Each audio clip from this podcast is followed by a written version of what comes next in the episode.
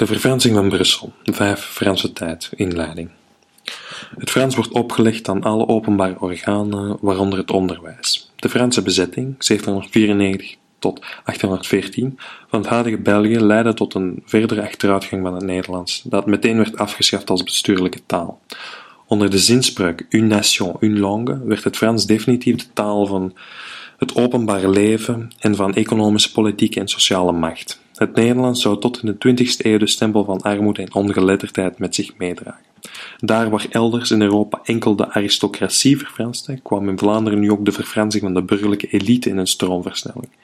De Franse bezetting is in kwantitatief opzicht niet doorslaggevend geweest, maar legde wel de basis van de verfransing van de Vlaamse middenklasse, omdat in deze tijd een overwegend Franstalig onderwijssysteem, weliswaar voorbehouden voor een slechts dunne laag van de bevolking, ingang vond.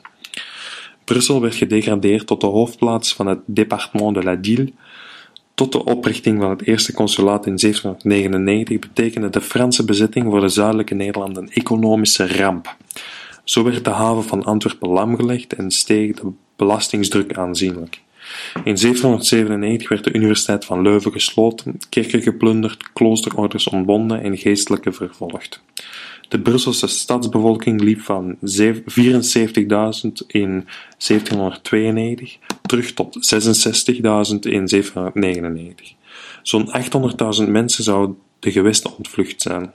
De draconische economische maatregelen, de drastische inperking van de taalvrijheid en de openlijke jacht op de kerk zetten vooral bij de Vlaamse boeren kwaad bloed en leidden tot de boerenkrijg, die Brussel in 1798 in een staat van beleg bracht.